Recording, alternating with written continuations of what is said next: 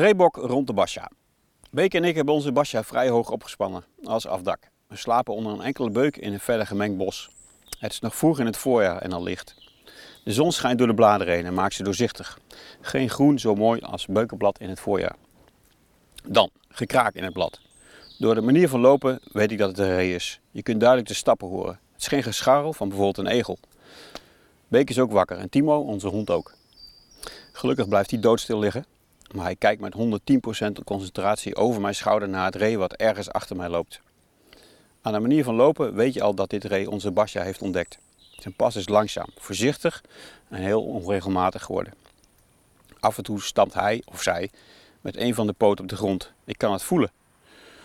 Wie weet doet hij dat om een reactie uit te lokken. Heel langzaam komt het geluid dichterbij. Van bovenaf gezien kwam hij aanlopen op 5 uur. Nu, nu loopt hij op 12 uur en wij kunnen hem zien. Het is een bok. Een kort gewei op zijn kop met een enkele zijtak. Reeën zijn prachtig. De Europese gezellers. Deze heeft al de rood-oranje vacht van de zomer en hij ziet er super fit uit, gespierd. En al die tijd houdt hij dat iets daar in de gaten. Hij gaat schijngrazen. Net doen of je gaat eten en dan in één keer je kop snel omhoog om te kijken of wij op dat moment bewegen. We trappen er niet in. Timo ligt nog steeds, nu trillend van opwinding, naast mij te kijken. De bok loopt door, constant onze kant op kijkend. Afstand minder dan 10 meter. Ik weet al wat er gaat gebeuren. Hij loopt net zo lang om ons heen totdat hij onze geur te pakken heeft. De wind komt vanaf 3 uur, dus als het zo'n uur of 9 of 10 is, op dezelfde klok, loopt hij binnen nu en snel tegen onze geur aan. Hij staat nog even stil en strekt zijn hele nek. Bekijkt het allemaal nog eens goed, want nieuwsgierig is hij zeker. Zijn kop gaat van links naar rechts, zoals een uil doet. Dan doet hij nog een paar stappen. Pats! Alsof hij tegen een stroomdraad aanloopt. Weg is hij. Met grote sprongen verdwijnt hij in de jonge opslag, buiten de grote kringblad, onder deze beuk. En dat ritme is nog lang te horen. En daarna, zoals verwacht, begint hij te blaffen. Hard als een verkouden hond. Het hele bos mag het weten. Let op, mensen! Vuur uit. Tijdens de basiscursus hadden we als regel dat zodra er meerdere deelnemers vuur konden maken met een vuurboog, het centrale vuur in de chute aangehouden moest worden door de hele groep. En als het dan s'morgens uit was, weer aangemaakt moest worden met de vuurboog. Dus geen tondels en lucifers, firesteel of aanstekers. Het was aan de groep of ze dat lieten gebeuren. Maar in 9 van de 10 gevallen deden ze alles aan om dat vuur op de een of andere manier aan te houden. En dat was ook de, precies de reden van deze les. Want wat is vuur? Wanneer brandt het snel of langzaam? Hoe kun je het aanhouden met zo weinig mogelijk moeite? Het vuur ging vaak genoeg uit. Soms had een groep binnen een half uur vuur. Maar er werd ook wel eens geploederd totdat het uiteindelijk half twaalf middags was en er weer koffie en tegenzet kon worden. Ook een hele goede teamopdracht dus.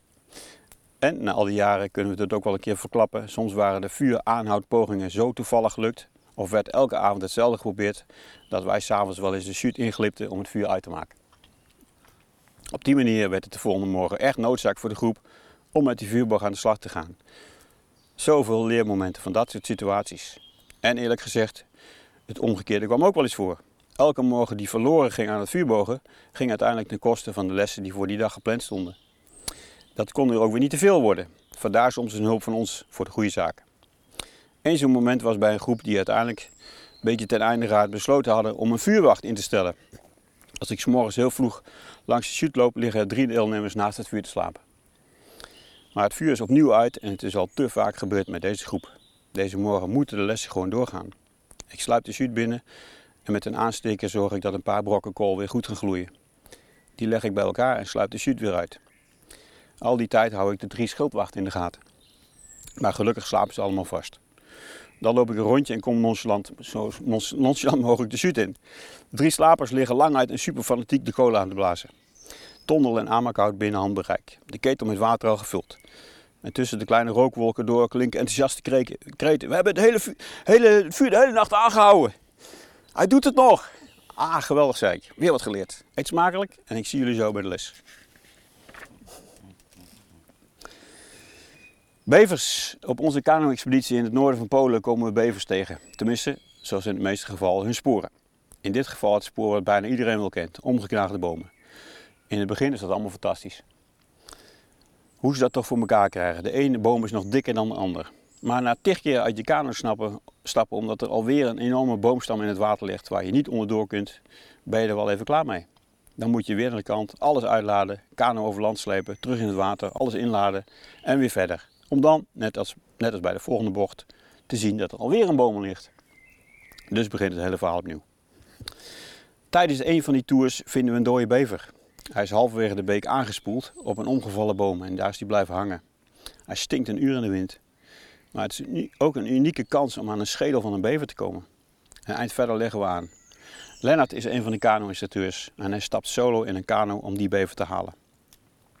Stroomopwaarts pedelt hij terug. In die aardig stromende beek stuurt hij daarna de bever aan land zonder hem zelf aan te raken. Met de punt van de kano manoeuvreert hij het dode beest een strandje op. Puur kano-vakmanschap. Aan land werk ik het enorm stinkende kadaver weg tussen de wortels van de grote els en dek alles af met heel veel zware takken. Tot volgend jaar. Het volgend jaar varen we min of meer dezelfde route. Na de eerste overnachting in het wild verzamelen we s'morgens bij een kleine houten brug. We hebben iets gevonden, dat vind jij vast wel interessant, zeggen Max en Lara. Hun afvalzak gaat open en er ligt een puntgave schedel van een bever in. De bof komt er. Na dagen kanoën komen we aan bij de plek waar ik mijn dode bever had verstopt, een jaar terug. Ik trek alle kanten aan de kant en de eerste botten komen al snel tevoorschijn. Maar hoe ik ook graaf en zoek, geen schedel. Die moet door iemand gevonden zijn en meegenomen. Balen. Sterker nog, ik vind die week nog twee keer de rest van een andere dode bever. Maar het is elke keer niet meer dan een ruggengraat of wat poten, maar nooit de schedel. En de hele week wordt mij die mooie beverschedel onder de neus gewreven. Ik probeer een deal te regelen. Wij hebben vers gemalen koffie, ruilen voor een beverschedel. Maar helaas. Dan, na tien dagen varen met die, schedel, met die fantastische beverschedel binnen handbereik, krijg ik op de allerlaatste avond een cadeau van Max en Lara. De beverschedel, compleet. Prachtig cadeau, prachtig verhaal, prachtig aandenken. Grote plannen. Dol enthousiast staat Robert op de parkeerplaats te wachten. Te trappelen als ik de hele groep kom halen voor een weekcursus. Hij is volledig in het groen. Een riem met alles erop en eraan. Heel veel spulletjes nieuw aangeschaft. Grote plannen wat hij na deze week wil gaan doen. Wat zijn kinderen straks allemaal gaan beleven met hem. Kom maar op met die week. Maar het bos is zoals het is. En niet zoals hij denkt dat het is. Je krijgt er alle geluiden bij. En muggen. En regen. Je slaapt wat op en af. Jij en je kleren worden vies. En voor de een is dat een openbaring en allemaal leuk. Maar voor deze Robert is het keer op keer een tegenvaller. Die vuurboog, het wil maar niet lukken. Die natuurlijke shelter, leuk om te bouwen, maar hij gaat er niet in liggen. Die plant uit de natuur, interessant, maar hij eet ze, hij eet ze niet. En zo komt er in een week achter dat bushcraft in het echt iets totaal anders is of kan zijn dan alle gelikte films op de BBC en YouTube. Van Robert hebben we nooit meer iets gehoord. Ik denk dat hij al zijn spulletjes meteen na die week op marktplaats heeft gezet. Het omgekeerde komt ook voor. Jij kunt het wel leuk vinden, maar je hebt thuis misschien ook nog een partner. Het zijn soms schijnende verhalen. Thijs gaat dol enthousiast naar huis en komt later dat jaar terug op een andere weekendcursus. Aan het eind van het weekend moet hij nog even kwijt. Ik kom er thuis niet in hoor met deze kleren. Ik moet ze in de schuur uitdoen en alles moet direct de wasmachine in. Tot drie keer toe het wasprogramma en dan pas mogen ze thuis weer die kast in. Een ander komt op een open dag bij ons tafel staan. Ik wil zo graag een cursus bij jullie doen, maar ik krijg het thuis niet rond. Camouflage. Tijdens een plantenwandeling zie ik een enorme pijlstaatvlinder op een kleine lijsterbes zitten. Ik loop erheen en de rest volgt. En dan roept er iemand: hey, kijk nou! Hij is de vierde in de rij. Voor zijn voeten ligt een reekalfje, opgerold en doodstil, tegen een struik aan. We zijn er al met drie mensen overheen gestapt. Hoezo camouflage? Kalahari humor. We komen al sinds 2008 regelmatig bij de bosjesmannen in Namibië. De jongeren spreken Engels en de ouderen Afrikaans, dus we kunnen elkaar redelijk goed begrijpen. Bosjesmannen zijn tevreden met heel weinig. Ze delen alles wat ze hebben. Een sigaret gaat altijd rond, niemand rookt alleen. Nog een mooie eigenschap van hen is hun gevoel voor humor. We hebben heel wat prachtige verhalen van de jagers gehoord. Een paar voorbeelden van de lol die wij met ze hebben gehad. We gaan met een groep van hen op bushwalk. Vrouwen, mannen, kinderen nemen ons mee op een wandeling en laten ons onderweg alles zien van hun bos. noten en bessen die je kunt eten, knollen onder de grond waar vocht in zit en planten en struiken met een medicinale functie. Een van de vrouwelijke gidsen noemt zichzelf Erna. Ze kan goed Engels en vertelt onderweg veel. Ze staat stil bij een struik en laat ons de bladeren zien. This plant is good for hearing problems. Het gaat vanzelf. We kijken haar bleu aan en vragen wat? En ze herhaalt: This plant is good for hearing problems. En ze wijst naar haar oren. En wij weer: Wat? en dan kijkt ze ons aan, begint keihard te lachen en loopt meteen naar de rest van de groep die verderop in de schaduw zit te wachten. In hun prachtige kliktaal wordt het verhaal verteld. De hele groep kijkt ons aan en, ze is, en als ze klaar is met het verhaal wordt er keihard gelachen.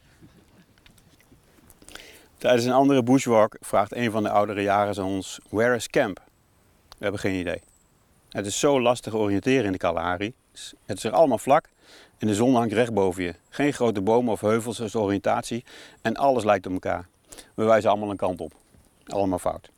Iedereen van ons zit ernaast.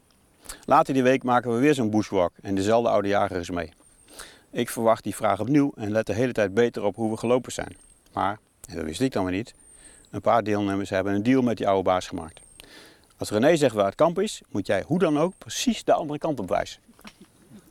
Op een gegeven moment, ja hoor, de baas stopt, draait zich om. Where's camp? Ik doe een poging en wijs op één uur. Hoofdschuddend kijkt hij me aan. Zijn gezicht bestaat letterlijk alleen nog uit rimpels. Hij wijst op 7 uur en loopt daarna enorm giechelend weg. En zijn schouders schokken op en neer. ja, dat is gaaf. Oh, dit is ook een mooie. Timo.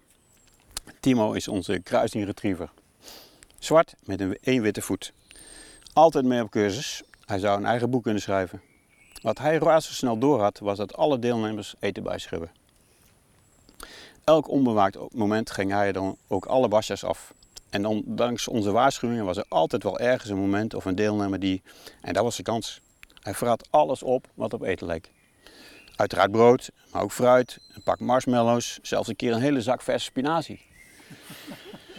Tom heeft een darmprobleem en slikt daarom gebroken lijnzaad om zijn stoelgang beter op orde te krijgen. Een theelepel per dag is meer dan genoeg. Maar Timo kan niet lezen. Tom komt op een gegeven moment bij ons en laat de resten van de verpakking zien. De hele zak is op. Die avond ligt Timo zacht piepend bij mij onder de basje aan de riem. En het piepen houdt niet op, dus ik ga eruit. Zodra we onder de basje vandaan zijn, komt de eerste lading diarree eruit. het lijkt me beter om een wandeling te gaan maken. Dus daar lopen we met z'n tweeën in het bos midden in de nacht. Hij moet nog een keer poepen. Hele stukken droge worst komen er nu uit, ingepakt in lijnzaad. En die worst heeft hij blijkbaar ook nog ergens gejat. Nog een aantal keer duikt de arme hond de berm in. En elke keer kijkt hij mij aan met een blik van, jij weet hier zeker meer van. Ik onthoud de plekken om later alles langs te gaan en te begraven. De volgende morgen loop ik al vroeg rond met een schep en ruim alles op. Maar de belangrijkste, die drol met de worst en lijnzaad, die krijgt nog een staartje. Alle worst is opgegeten door een vos. Hij heeft er als bedankje zijn eigen drol als markering naast gelegd. Met een enorme grijns loop ik terug naar ons kamp. Ik zie het voor me. Ergens in het bos duikt nu een vos regelmatig in de berm. Enorm pissend, scheldig op, op ons Timo, want die weet hier vast meer van. Voor Tom hebben we een nieuwe zaklijn gehad. En dat alles vreten wat eetbaar is, komt Timo ook nog een keer zelf heel duur te staan. Ook wij vergeten wel eens iets op te ruimen. En als we het afval zien liggen, kleine stukjes groen en geel karton, plus slippers aluminiumfolie, dan weten wij genoeg. Timo heeft bouillonblokken gegeten. Niet één, maar een heel pak. Niks meer aan te doen. De volgende dagen is hij zaggerijnig. Hij heeft een dorst. Alles wat op vocht lijkt wordt opgelikt. Elk karrenspoor met ook maar een filmpje water wordt helemaal leeggeslobberd. Zelfs de wasbak met zeepwater gaat helemaal leeg.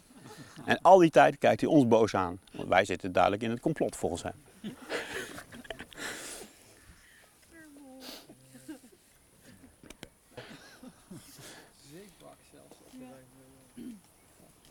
Kinderdag. Dit gezin heeft een leuke familietraditie. Ze vieren niet alleen vader- en moederdag, maar ze hebben ook een kinderdag. Een van de kinderen mag dan een activiteit uitzoeken en ook met wie ze dat gaan doen. De zoon van tien heeft een weekend ouder een kind uitgekozen en hij wil dat samen met zijn moeder doen.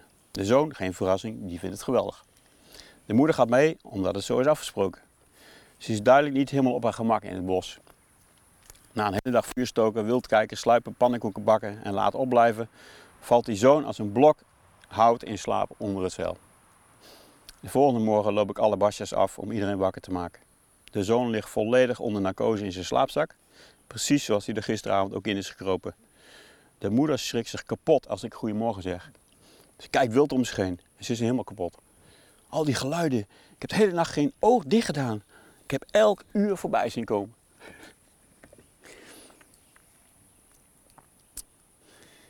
Uh, drugs, flip in Schotland. Na een fantastische week in Nederland besluit Michel om zich voor het jaar erop aan te melden voor de vervolgcursus in Schotland. Een jaar later spelen er inmiddels andere zaken in zijn leven. Hij heeft kort daarvoor namelijk besloten te stoppen met fanatiek drugsgebruik. Mooi besluit. De week in het bos pakt echter totaal anders uit. Misschien wel door dat besluit. Al die rust, de stilte en het groen, het zit bij hem tussen de oren niet goed. Kort daarvoor heb ik nog een foto van hem gemaakt. Een klein mensje onder een enorme beuk. Prachtige sfeerfoto, al zeg ik het zelf. Bezweet tref ik hem aan onder diezelfde beuk. Hij wil weg. Het tolt en draait de hele tijd in zijn hoofd. Paniekaanvallen, zweten, maffe beelden, totale onrust. Hij gaat. Hij wil en hij kan niet langer blijven. Later horen we zijn verhaal. Hij had zijn auto in Engeland nog aan de kant van de weg gezet en was zelfs tijdelijk opgenomen in het ziekenhuis voor observatie. Inmiddels in Nederland gaat het weer de goede kant op. Zo'n lief. Sommige ouders hebben alles voor hun kind over. Na de nodige telefoontjes en gesprekken staan we toch toe dat een zoon meedraait met een cursus waar hij nog niet oud genoeg voor is. Daar staan we soms voor open. Daar is hij, bepakt en bezakt. Vader en moeder komen hem brengen. Ze blijven heel lang hangen, ook al is de cursus al begonnen. Ze kunnen hem duidelijk niet loslaten, ook letterlijk niet. Ze doen bezorgd. Zo'n lief laat het allemaal over zich heen komen. Hij doet het goed, om het maar zo te zeggen. Hij is heel enthousiast, wil leren en past in de groep van veel oudere deelnemers. Totdat hij volledig onverwacht een stop doorslaat. Hij zegt dat het de muggen zijn, maar we komen niet achter wat de echte reden is. Huilend staat hij meerdere keren bij ons. Hij trekt het echt niet meer en is volledig overtuigd, ik wil naar huis. Dat is de enige oplossing. We bellen zijn ouders, maar die zijn tot onze stomme verbazing allebei onbereikbaar. We spreken voicemails in, sturen sms'en, de hele avond proberen contact te krijgen. Niks. Ongelooflijk.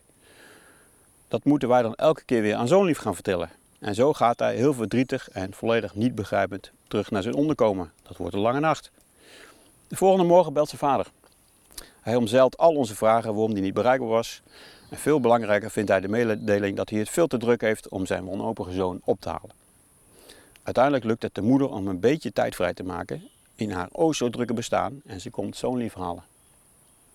Wij zijn inmiddels 24 uur verder. Maar toeval of het lot, als ze aankomt, wil zo'n lief helemaal niet mee naar huis.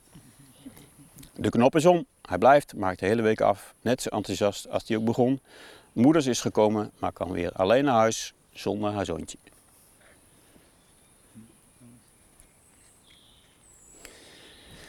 Iets aan te geven. Na een pittige week in het noorden van Schotland kom ik aan in de haven om in te checken voor de ferry naar huis. De auto's voor mij kruipen langzaam een enorme hal in, verlicht met TL-lampen. Iedereen mag doorrijden, behalve ik. Ik word uit de rij gehaald en moet naast enorme stalen tafels parkeren. Shit, alles moet eruit. Niet nu, ik wil naar huis, is het enige wat ik kan bedenken. Eerst moet de motorkap open. Oké, thank you. En dan, can you open the back door for me, please? Hij zwaait open. Een tot een nok toe volgestouwde auto met kisten, kratten, zeilen en tas. De walm van rook, vocht en vage schimmel stroomt bijna letterlijk naar buiten. Helemaal vooraan bij de deur staat een hele grote doorzichtige zak, vol met schedels, onderkaken en botten van edelheid. De douaneman bekijkt het allemaal van een afstandje. Wat gaat er in zijn hoofd om? Oké, okay, you can close the door again, thank you.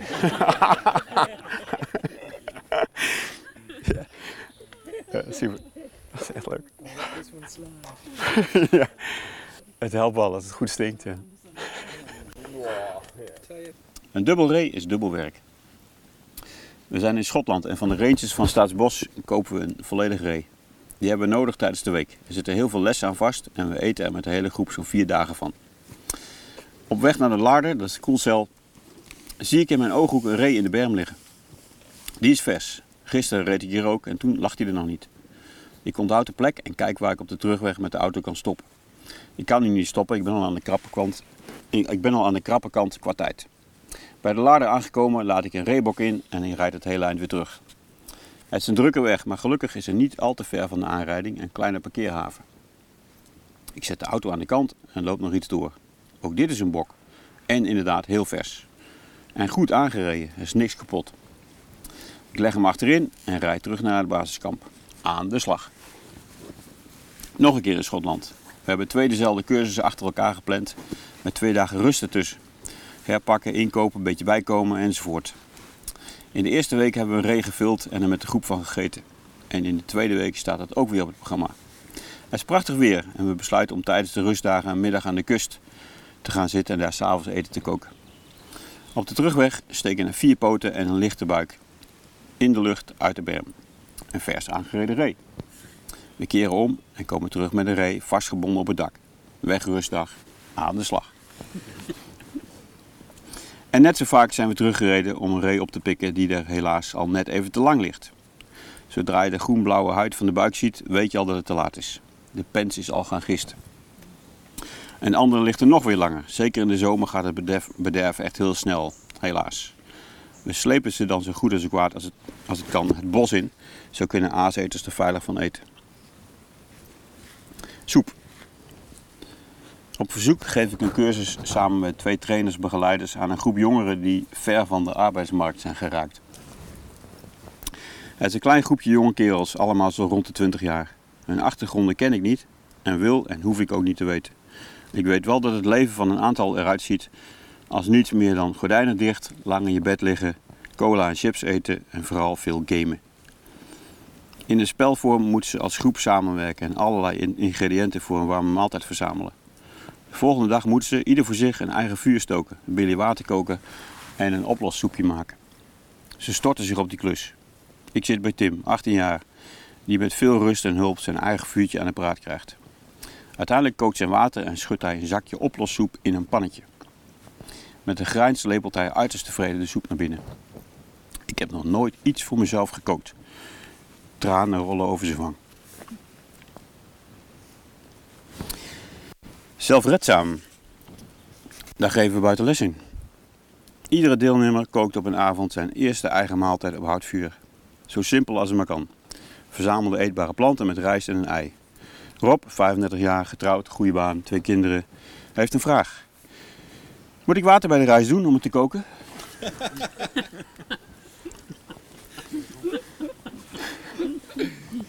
Slecht weer bestaat niet. Slechte uitrusting wel. Dat is een citaat wat je misschien wel eens hebt gehoord. Het klinkt stoer, maar wij vinden hem niet helemaal kloppen. Slecht weer bestaat wel degelijk. Het is niet je uitrusting, maar je instelling.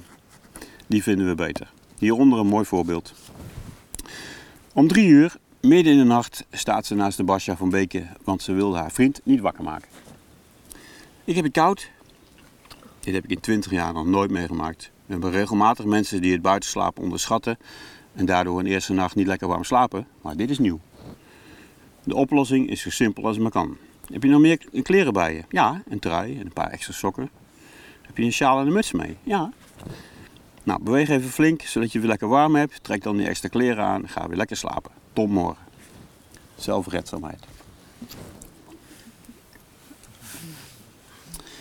Wormen. Mijn, eerste, mijn allereerste basiscursus begint op een zaterdag. De donderdagavond ervoor word ik s'avonds nog laat gebeld. Duidelijk vanuit een café. In plat Amsterdams wil Tino weten, nog, die had nog een paar vragen. Wat gaan we de hele week eigenlijk eten? Hè? Maar ik help hem uit de droom. We eten bijna het grootste deel gewoon uit de winkel. Ah, lachen man, ik heb er zin aan.